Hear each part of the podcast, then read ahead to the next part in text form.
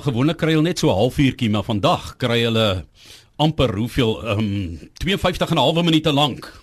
Dis in die Irene Village Mall in Centurion en genade edelagbare wat geskryf is deur Ian Wessels word vandag regstreeks bekend gestel daarvandaan af. So ons sê goeiemôre ehm um, edelagbares. Hartlik goeiemôre Johan en luisteraars. Heerlik om hier te wees. Ons het gewoonlik nie hierdie tipe van gehoor nie.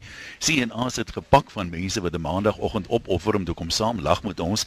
Hier by my my geleerde vriend Ignas Kleinsmid. Jy's nie so vol ateljee gewoond nie, Ignas. En ek het ongelukkig uh, radio gesig glad nie.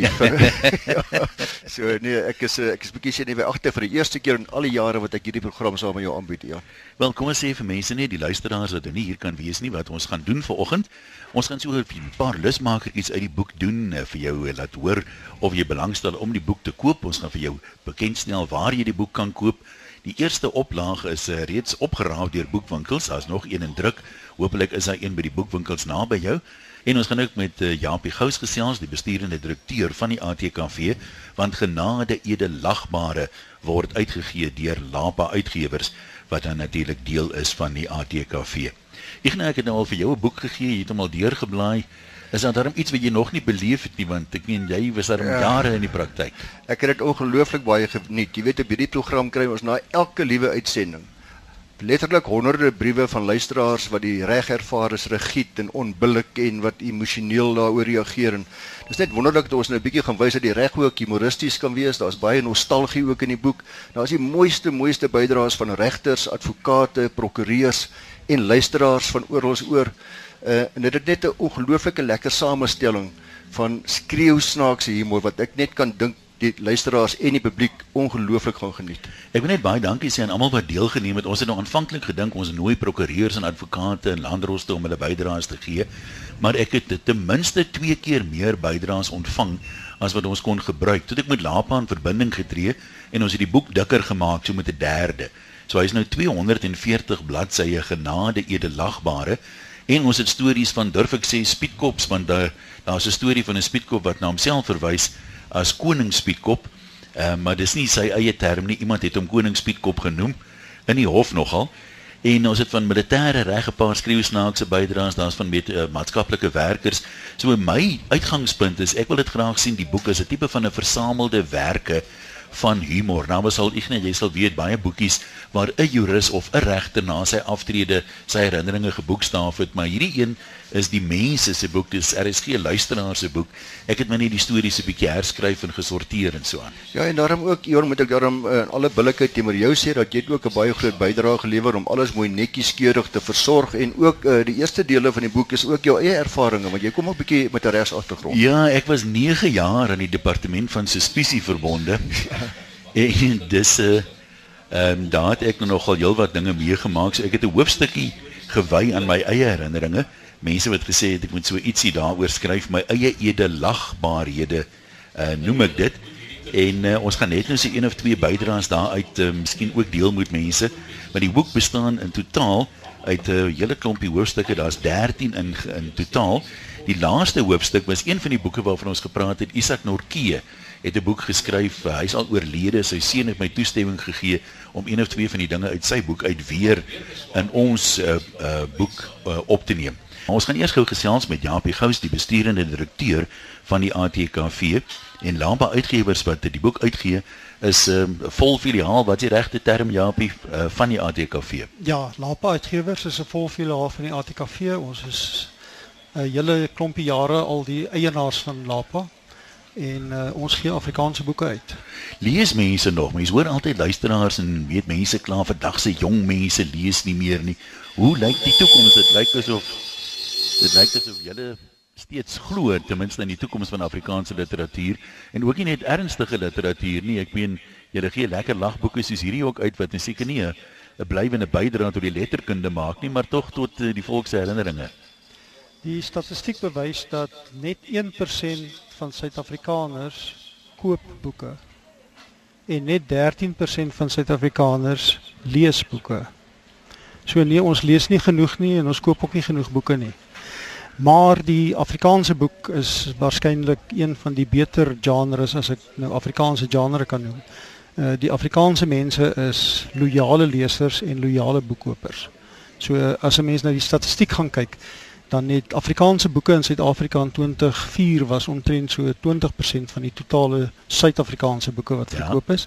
En 10 jaar later in 2014 was dit 45%. So Afrikaanse is mense koop boeke, ja. Ek hoop hulle meer as 13% lees dit ook of dink jy hulle wil spesifieke belegging maak in die uitgewersbedryf en nie in in hulle eie leesgenot nie. Ja, ek weet nou nie hoe uh, mense praat, mense lees nou digitaal. Ja. Maar ja. maar dit is nie so nie want ons uh, ons verkoop ook e-boeke. Al ons boeke is ook op e- e-boeke beskikbaar. En die e-boek verkope staan eintlik stil. So dit is nie asof daar meer mense digitale boeke koop of So baie nie. interessante perspektief wat jy daar het. Want daar is tog iets as jy nou hier sit voor ons nou mense omtrent elkeen het 'n boek die wat nie het nie. Uh, ek sal net nou kom vra hoekom nie. Maar uh, daar's tog iets in die reuk van 'n van 'n boek as jy hom so oopmaak. Net 'n 'n 'n nuwe ander dimensie as wanneer jy dit nou lees op 'n Kindle of of luister of hoe ook al, né? Ja, ek dink so, maar miskien verklap ons ons ouderdom as ons nou dit sê.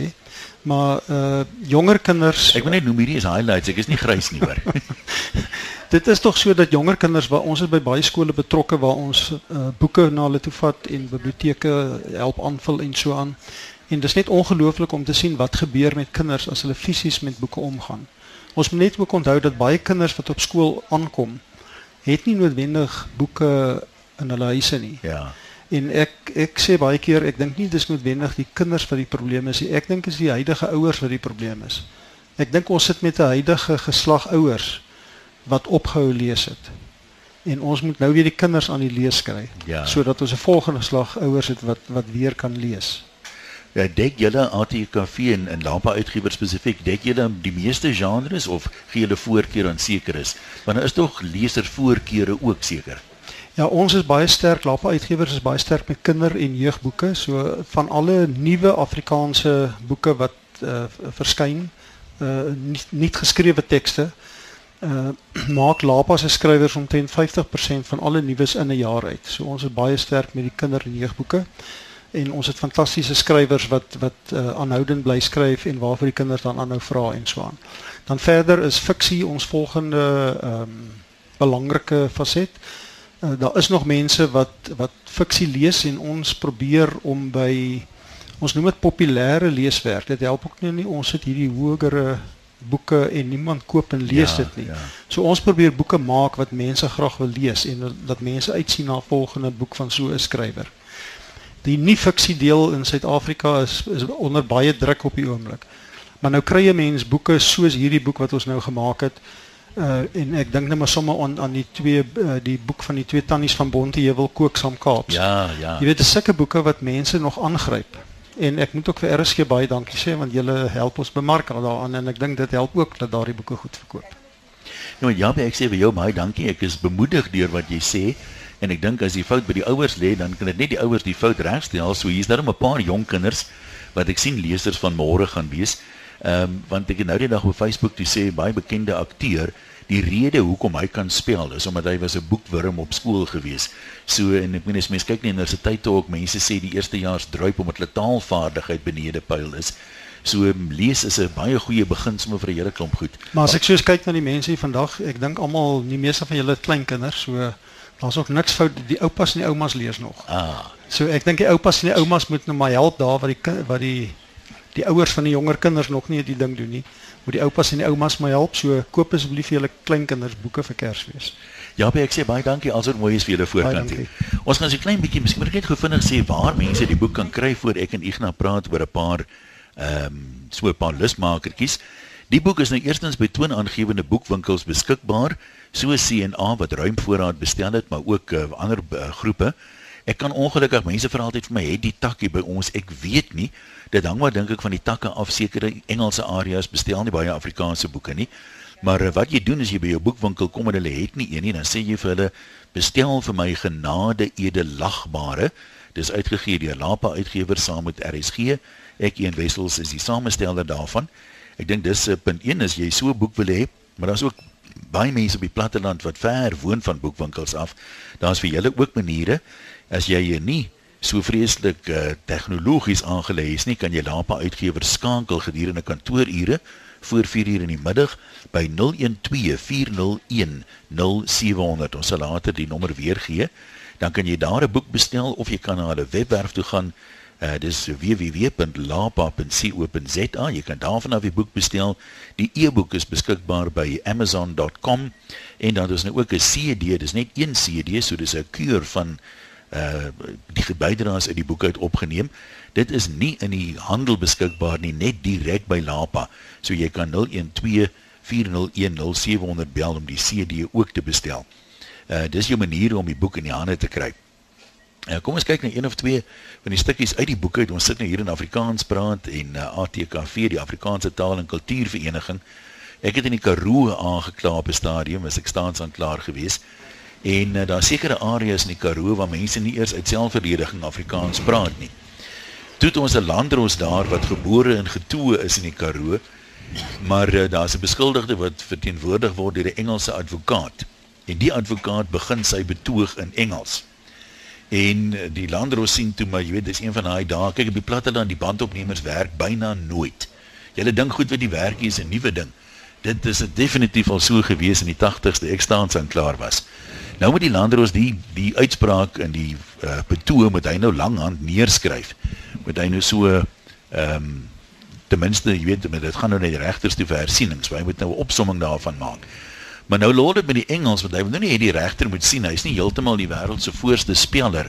Jy weet as dit nou kom by hierdie tipe van goed nie. En toe die advokaat wegval en sy betoog in Engels toe onderbreek die landros om en uh, advokate en prokureurs moet Engels en Afrikaans as eerstejaars vak hê. En die landros kyk die advokaat so hy sê nee man. Jy's mos 'n advokaat man, jy moet mos Afrikaans kan praat man. Praat toe Afrikaans sê, dis mos 'n man se taal. nou ja, nou ja, ek meen dis inderdaad 'n man se taal, maar vrouens en kinders se tale ook met die tolke sukkel die mense ook maar partymal taamlik. Einste Engelse advokaat het op 'n stadium die term gebruik. Hy begin sy betoog en hy sê, uh, "Your worship, I find myself uh, today I find myself on the horns of a dilemma." Nou met die tolk dit in Afrikaans vertaal. En hy sê Edelagbare ek ek bevind myself vandag hier by horings van 'n dier waarvan ek wragtig in my hele lewe nog nooit gehoor het. so, so dit is maar vir dis maar vir tolke ook nie aldag ewe maklik nie. Maar een tolke kan ook soms 'n veiligheidsrisiko wees. Ja. En tolke kan baie teatraal wees. Hierdie spesifieke tolke toe nou uh, eendag vra die prokureur vir die tolk, demonstreer asseblief nou vir ons hoe u die beskuldigde geklap het. En hy hak af en hy klap daai getuie dat sy so tol op die grond en in elk geval in elk geval die storie het 'n bietjie vernader ook in die boek en uh, die 'n bietjie sterkie bygekry. Uh want op daardie oomblik was die landros ongelukkig nou net besig om te kyk na sy papier hierso in te werskaf en hy het hierdie uh wat gebeur het nie gesien en hy sê toe vir die vir die getuie ag asseblief verskoon my ek het nou nie mooi gesien nie. Uh kan jy asseblief net weer demonstreer. Uh en die tolk het onmiddellik gesê objection my lord objection. Nee, kyk nie, die landroste kantore destyds ek aan begin het, het hulle alles gedoen tot motorregistrasies en hierdie tipe van dinge ook. En landroste kan vandag nog mense trou. Maar nou is dit partymal uh jy weet dis nie die mees romantiese troue wat jy kan indink nie. En dit gaan blitsig. Hulle is 2 minute in en uit en toe die betrokke landros het uh, verskriklik verkoue gehad. Die troue was in die winter gewees. En sy sakdoeke was later op toe vat hy in die departement se toiletpapiere rolletjie en hy sit dit daar op sy lesenaar neer om na sy neus te blaas. Nou kom hierdie paartjie in en hy trou hulle. En gewoonlik word dan nou 'n paar foto's geneem. Dit was nog 'n mik en druk daai dae was nog voor selfone. Word dan nou troufoto's geneem en dis gewoonlik sommer 'n klerk wat dit neem. En toe die mense reeds uit is, die huweliksbootjie het weggevaar, toe besef die klerk maar die rol toiletpapier is duidelik sigbaar op al die troufoto's.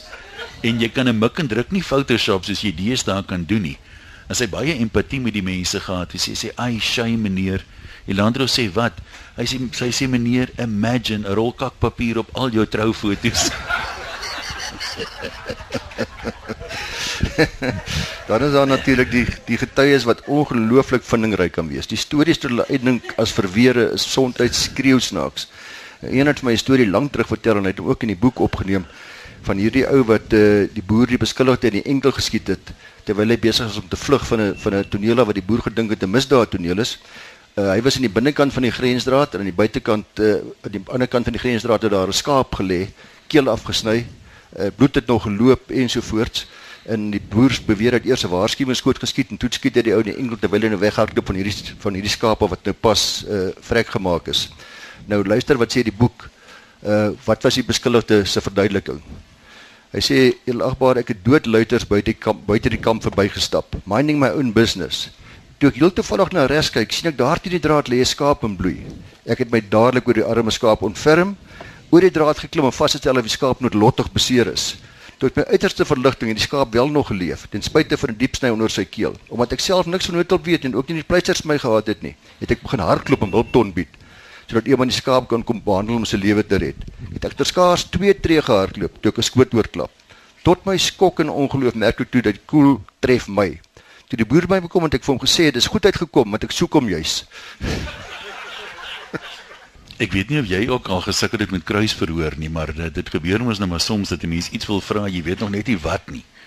En uh, hier's 'n stukkie, hele stukkie in die boek oor uh, prokureurs wat met kruisverhoor taamlik gesukkel het. Ek miskien moet ek net een of twee voorbeelde noem want ons kyk of luisteraars beter sou vaar daarmee. Die prokureur vra in kruisverhoor, hy sê kan u die verdagte beskryf? Die getuie sê ongeveer 1.7 meter lank, skraal gebou met donker hare en 'n baard. Die prokureur vra en uh, manlik of vroulik? prokureur vra vir 'n getuie: "Hoe beïnvloed die mediese toestand waaraan jy ly u geheue?" Die getuie sê: "Ek vergeet goeters." Die prokureur sê hy volg dit op met 'n volgende vraag: "Nou kan jy vir die hof 'n voorbeeld noem van iets wat jy vergeet het?" Onthoudend ek my herinner aan hierdie program word geborg deur die Prokureursorde van Suid-Afrika. Ja, maar hierdie hierdie was 'n was 'n artikelklerk wat nou wat verskyningsbevoegdheid gehad het. Hierdie een sal jy nie van hou nie, Ignas. Uh wanneer dit gaan oor 'n advokaat, advokaat wat sê, "U edele, ek doen aansoek dat die saak heropen word op grond van nuwe feite waarvan ek nie voorheen bewus was nie." Die regter vra, "En wat behels die nuwe feite?" Die advokaat sê, uh ek het ontdek my kliënt het nog R10000 in 'n spaarrekening waarvan ek nie geweet het nie. Hierdie selfe advokaat uh, Ion Terloop se advokaat as jy weet mense praat van 'n balie. Balie is 'n plek waar al die advokate as 'n groep praktiseer. Maar ons as prokureurs praat altyd van 'n balie as 'n sameswering van advokate. Uh hierdie Afrikaanssprekende advokaat dan Kimberley is 'n ware storie in die hof uh, kon baie goed Engels skryf. Maar hy het bietjie gesukkel om die woorde te vind sy dit mondelings moes doen uh eendag hoor 'n kollega hom oor die foon praat. Gesels met die ander oor die foon en sê you must understand that I'm a very very busy man, a very busy man. You must know I have that I have a finger in almost every tart in town. ja, kyk, dis 'n dis 'n koek, 'n taart en 'n in 'n in 'n in 'n in 'n pie is dit seker ja. maar net die die kors wat verskil, jy weet. Verder is dit partymal maar baie maar baie dieselfde. Ehm um, prokureur wat skuldinvordering doen, hy skryf iemand goed op vir onbetaalde verskuld en so 'n paar dae later kry hy 'n pakkie in die pos. En toe hy die pakkie oopmaak, dis daar 'n paar valstande in die pakkie met 'n briefie by van die skuldenaar. Jy het nou die kos uit my mond geneem, vat tog maar die tande ook. Hulle vertel die storieetjie van iemand wat in die hof moes ook 'n uh, eh, getuie identifiseer en hy sê toe Hy sê sien jy die persoon in die hof en hy moes dit ongelukkig in Engels doen en hy het baie gesukkel met die Engels en hy hy, hy wil sê die ou wat daar sit met die das. Maar die woord taai kon hy nou net nie bykry nie en hy sê uh your honor those one with the rope around his neck. Kyk en seker die dele van die land sukkel dit maar met die met die die, die regsterme. Daar in Askam se wêreld in die Kalahari hou hulle blykbaar boomhof. Daar's 'n groot boom en dan gaan 'n landdroos aanklaer en 'n tolk, hulle klim nou nie in die boom nie, hulle hou boom of onder die boom. Maar die landdroos sê hy het nou agtergekom dat die plaaslike mense ken nie eers die woord landdroos nie. Want dit was vir hom nogal 'n skok toe hy hoor hulle verwys na hom nie as landdroos nie, maar as lang tros. Wat nou nie heeltemal dink ek die dieselfde ding is nie. Ek gaan 'n nou baie mooi een vertel, Jan. Ja? Nee. Dit gebeur baie dat uh, vooraf getuies bietjie saam sweer. Hulle besluit vooraf wat hulle gaan vertel. En een van die heel mooistes in hierdie boek vir my is die een wat 'n dossier waar 'n polisieman aangekla was van nalatigheid en hy weet mos nou om bietjie getuies te fabriseer as hy dalk nou weet dit moet doen. Nou die twee verklaringe het ons volg gelees. Gelees. Eerstens die verdagte, die polisieman se verklaring. Hy sê ek ry nog so, hy het sy motor gerol terloops. Ek ry nog so, dit word alles net swart voor my. Toe ek bykom, lê die kar langs die pad op sy sy. Nou kom sy getuie wat uh, langs hom was wat 'n passasier was. wat hy net 'n bietjie gehelp het om sy verklaring natuurlik op te stel. Hy sê uh ons ry nog so. Jy sien ek net alles word swart voor die bestuurder. Kan jy weet daai mense het 'n bietjie gesels. Kyk, jy kry maar prokureurs en advokate wat redelik lankdradig is met hulle kruisverhoor. So was daar 'n jong advokaat wat net nie kon en kry nie. En mens moet weet waar om op te hou, maar hy het nog nie. En op 'n stadium dis die regter nou moedeloos. En hy sê vir die advokaat, die advokaat dink ek het dit self ingestuur, meneer Bosman. Die regter sê, meneer Bosman, ek tree oor 3 jaar af. Sal dit nie genoeg tyd laat om die kruisverhoor te voltooi? Ons hoor nou almal van Donald Trump en ons weet hoe lyk sy hare. Hier is een grapjie in hierdie boek wat my daarna laat dink het Eon toe ek dit nog gisterand lees. Ja. Ek het terloops eers maar vanoggend die boek self gesien. Uh hy sê beskuldig te verskyn in die hof en sy haardos is in so lang punt na bo gedraai. Uh die landras vra hom toe, "Hoe kry hy sy hare in so 'n styl opgemaak?" Toe sê hy, "Coke and serve my onder." Jy het al julle mooi landros gesien, Ignas. Praai van manlik of vroulik nou? Ek het in in die, in die tyd toe toe ek staatsanklaer was, was eintlik net manlike landroste, maar hulle was maar net so onooglik soos ek. Nee, maar daar's 'n mooi storieetjie wat iemand vertel van dis Marina de Pre, sy sê haar swaar Janie de Pre het voor een verskyn, voor 'n landros verskyn. Hy het daar in Krielse distrik geboer, sê sy en hy was 'n beter boer as 'n boekhouer. Hy verskyn toe op 'n klagte van agterstallige belasting uh voor 'n vroue landros. Uh en uh die landros kyk toe vir Janie so reg in die oë en sy en sy sê is daar iets wat u ter verduideliking aan die hof wil sê voordat ek voortgaan. Nou op daai oomblik toe sy so in sy oë kyk en hy kyk so na haar oë en is 'n regtige mooi ooglike, glad nie onooglike landros nie. Toe verloor hy 'n bietjie fokus en hy en hy kyk vir haar so in sy oë dwaas 'n bietjie en hy mooi dink nie mooi nie en en hy antwoord uh, sy antwoord is ja, daar is my heel dierbaarste. Ek weet nie wat mense altyd met die huwelik assosieer nie, Ignas, maar ek het ook 'n storie gekry. Dit kom uit Namibië uit. Uh, Johan Strauss wat die storie ingestuur het. 'n Landros met 'n beskuldigde vonnis en hy vra by vonnisoplegging moet hulle nou die persoonlike omstandighede van die beskuldigde uh, op rekord kry. En hy vra as u getroud meneer. Die beskuldigde sê: "Nee, edelagbare, hierdie merke is wat die donkie my gebyt het." nou, dis 'n redelike onwaarskynlike vraag op 'n baie logiese uh, antwoord. Ja. Hier het Landros Helene Mostert ook 'n storie ingestuur het in Springbok se hof gebeur. En uh, ek weet nie die beskuldigde as jy nou na regsaake kyk, dit loop saam lekkerder om hieroor te praat as oor wetgewing, né? Nee. Wat sê wat praat jy?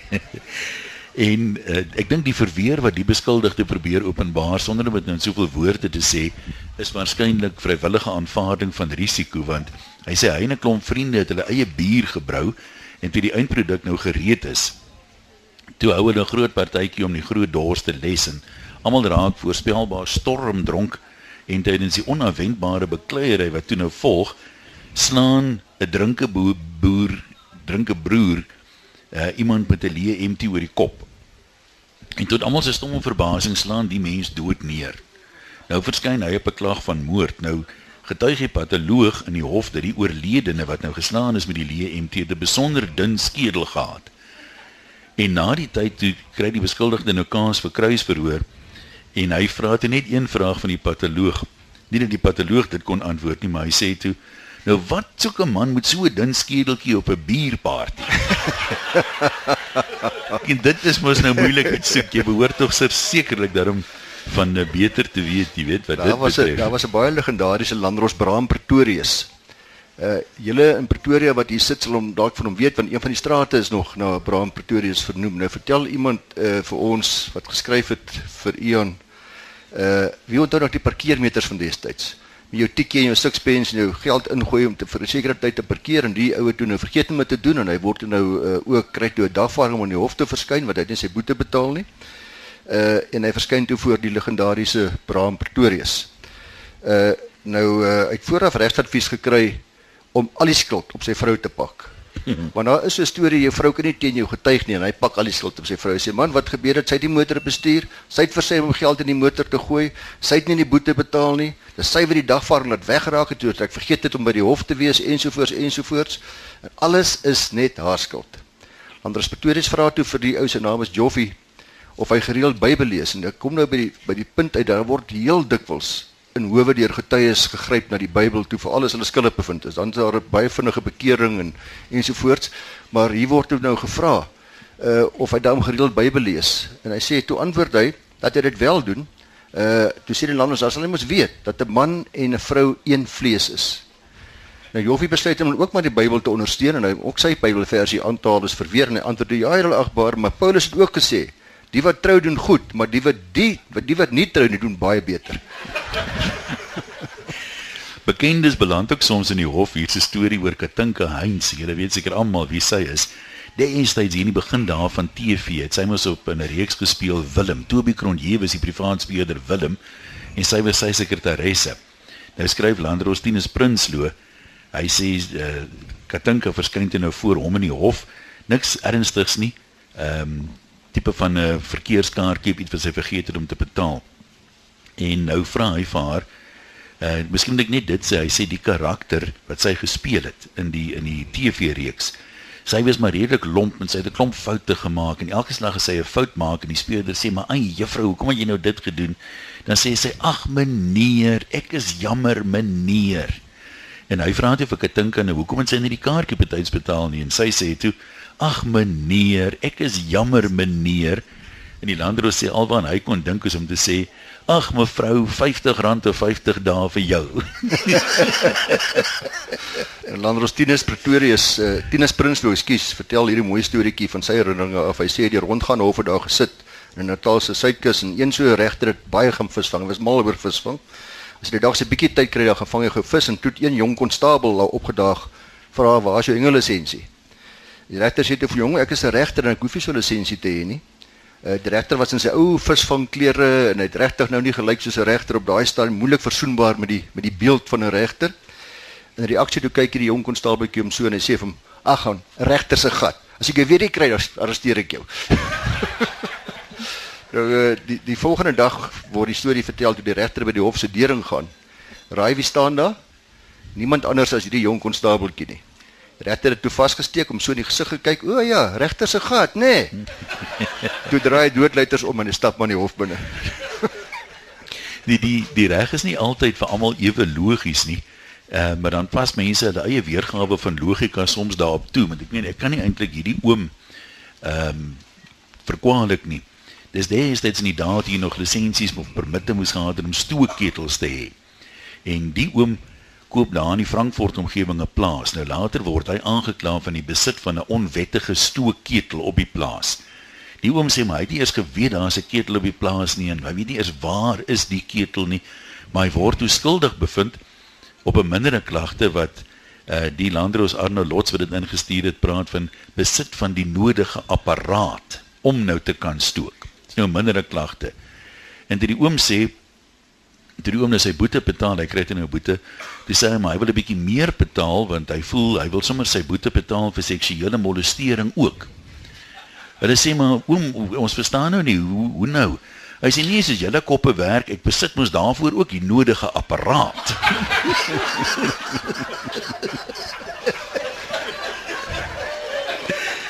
Jan Smit vertel dat sy oom was 'n hofordonnans gewees daar op Warmbad. En hy sê nee, dan die rondgaan hof nou kom dan met die hofordonnans nou vir die regter alles vir hom doen, hy moet hom in die hof ontvat en weer terugvat as die hof verdaag ensovoorts. Warmbad, soos julle weet, word ongelooflik warm. Dit word bloedig warm daarso. En uh hy maak toe nou toe hy weer by die kamers kom, toe sien hy hoe die regter sy rooi toga aantrek. Rooi toga is wanneer jy gaan 'n strafhof binne gaan. Uh en hy sien toe by die regter het net draadklere onderaan sy rooi toga neem dit is snik warm daar in Warmbad. Hy trek maak die toga toe. En uh hy het net sy onderbroek daarom aan. Daar waar hy regbank sit, sal niemand mos nou onderraad vermoed. Niemand kan sien nou agter die bank wat aangaan nie. Toe die regter nou so beter daar betrap word en hy sien daar staan die hofordonnans en sê vir hom: "Luister hierso. Dat ek net vir jou sê as jy het my split, kry jy lewenslank." ja, die die regters dra die die rooi togas en uh, tolke kan verskriklik baie help. Tolke ken die kort baie en uh, tolk wat sy storie ken kan regtig jou ure wat op 'n dag spaar. Maar uh, nou op 'n dag in die hof kom die, die regter agter maar die die tolk is nou besig om 'n lang gesprek te voer met die beskuldigde. Te 'n lang gesprek om net 'n vraag en 'n antwoord te wees. Nou vra die regter vir die tolk. Hy sê: "Meneer tolk, wat sê die beskuldigde?" Hy sê die tolk, "Die edele, hy praat sommer net 'n irrelevante klomp snert." nou, nou, dis in die tolk se oordeel. Nou sê die regter, "Maar wat sê hy? Die hof sal self oordeel of dit relevant is of nie relevant is nie."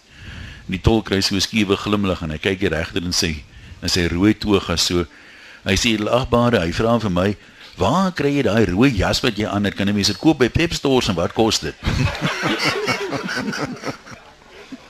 regter van Oosten en eh, terloops is interessant hoe baie regters vir jou geskryf het met ja, baie mooi staaltjies en landrooster. Ja, ons waardeer dit regtig. Advokaat Gerber sê regter van Oosten verskyn voor twee regters hier in Pretoria in die Hooggeregshof. Uh argumenteer 'n appel uitspraak en die appel word aangehoor en dan word die oorkonde nou getik daarna uh advokaat Kerber besluit dat die reeds die intrapslag van sy argument die regters in sy gunstel moet swaai want hy het nou die oorkonde van die landroshof wat hy nou gekry en gelees en hy sê toe doelgerig voortvarend die jong advokaat Gerber neem sy betoog soos volge aanvang. U erelus toe ek die oorkonde van hierdie saak vir die eerste keer gelees het, het ek besef dat daar hoegenaamd geen meriete in my kliënt se appel bestaan nie. Maar u erelus toe ek die oorkonde vir die tweede keer gelees het, het ek tot die besef gekom dat my kliënt uitstekende vooruitsig op 'n suksesvolle appel het. Dis presies net daar wat die voorsittende beampte die regter vorentoe leer en advokaat Gerber wreed in die rede val en vir hom sê met 'n uitklop hou. Meneer Gerber, ons het ongelukkig die oorkonde van die saak slegs een keer gelees. Ek nou dink die naam het ons 'n bietjie oor die polisiemanne en die verkeersbeamptes gesels. So jy kan so lank dink wat is van jou gunsteling stories daaroor. Ek wil net hierdie hierdie tweeetjies gou doen. Kyk, dis nie net prokureurs en staatsanklaers wat se koppe soms uithak dat hulle nie weet wat om te sê nie of simpel goed sê nie. Ehm um, iemand is stuur 'n storie oor 'n landros. Nou is daar 'n beskuldigde, maar die beskuldigde is as jy nou eufemisties wil wees, kan jy sê verstandelik teruggetrokke. En nou mompel hy ook nog. Nou sê die landros, maar ons moet hoor wat jy kan sê man, jy moet hard praat en jy moet nou mooi te verduidelik Ek weet nie in daai dae wie telefoonlyne maar swak was nie. Nou sê die landros praat soos wat jy by telefoon sal praat. En toe die landros nou sy vraag herhaal dat die beskuldigde moet antwoord, hoe sê hy: "Hallo."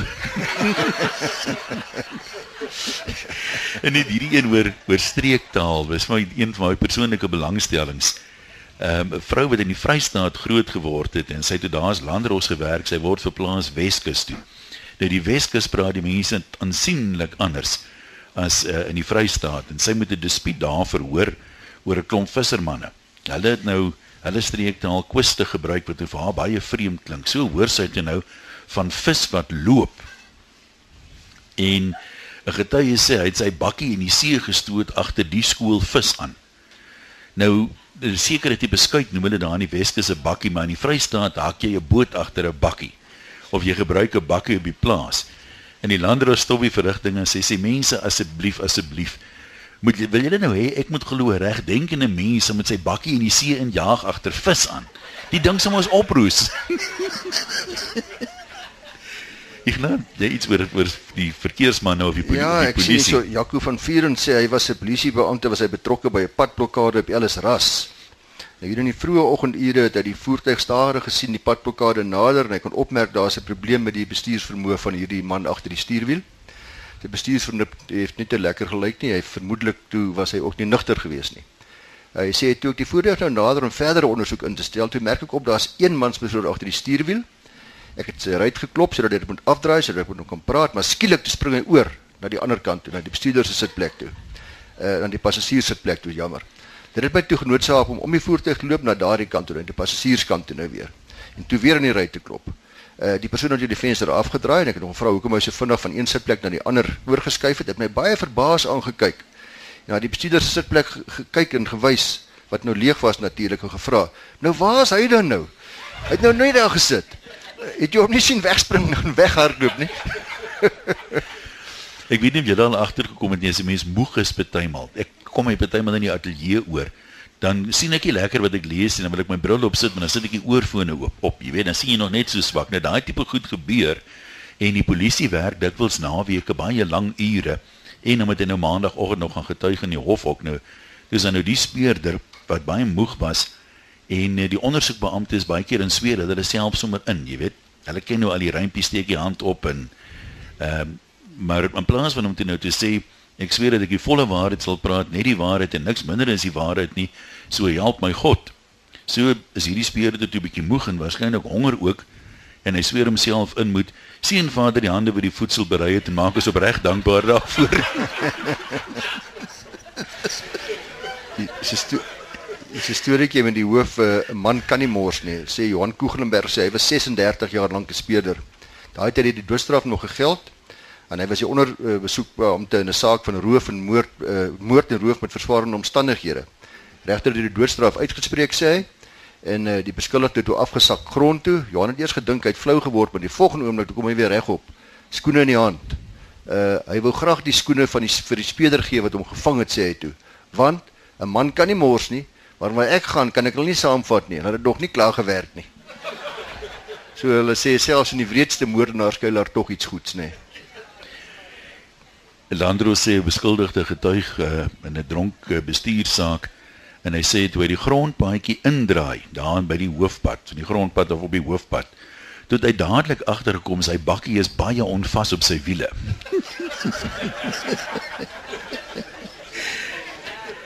Partykeer kry jy ja. getuies wat regtig ook baie goed kan akteur speel. Hulle is uh, ons het jy kry ook prokureurs, as 'n prokureur so vir die gehoor kyk en hy swaai so rond, dan praat ons van 'n toga swaai. Ja. Sien nie publiek om hom nou, jy weet, oor met hy so oulik is nou. Uh ook akteur as getuie, Gawie se hele eerste arrestasie toe hy nog konstabel was. Uh hy het beat gestap daai tyd, was 'n man wat behoorlik dronk was op straat. Uh jy weet dis 'n misdaad om dronk op straat te wees. Gawie was daarop net so trots soos Sergeant Hansie Brewes op die drie wat hy vroeër die middag onder die paal het in die All Blacks gedruk het. So lank was dit terug.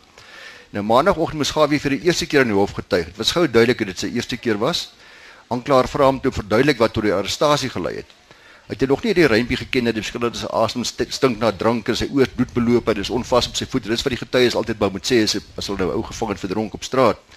Toe verlaat hy maar die getuiebank en hy begin in die hof rondstruikel en rondval uh met swaaiende arme terwyl hy sleeptong sê: "Konsabeltjie, Ek sweer ek het een dop gedrink. Dis as my vrou se skuld, sy het weggeloop.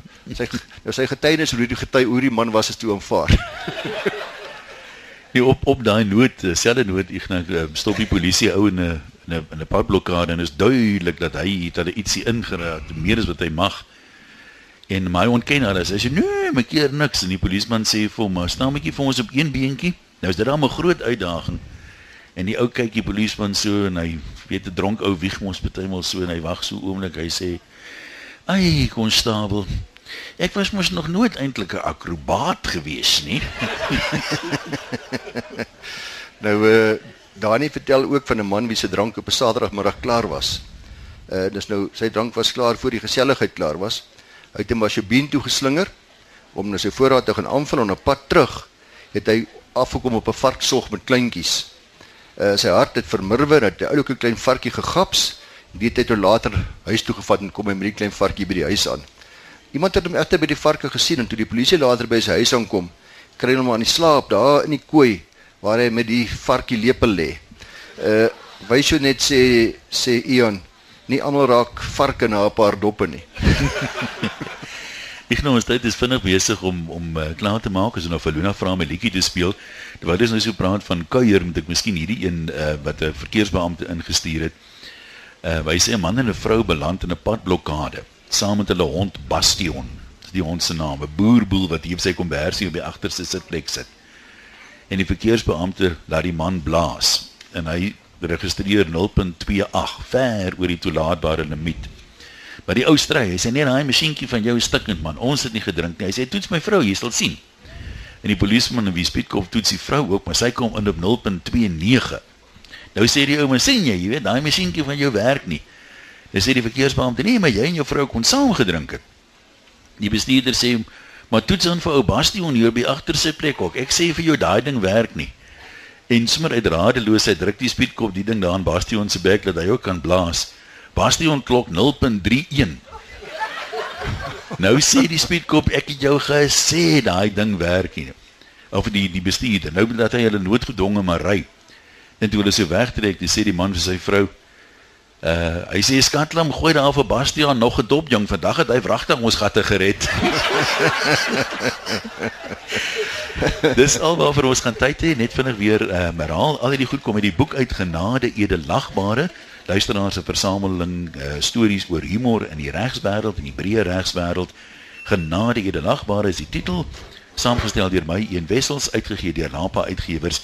Kyk by toonaangewende boekwinkels, sê hulle moet vir jou bestel as uh, daar nie 'n kopie is nie, anders kan jy dit direk bestel by Lapa. Bel hulle 0124010700 of gaan kyk op die webwerf www.lapa.co.za. Die e-boek is by amazon.com beskikbaar.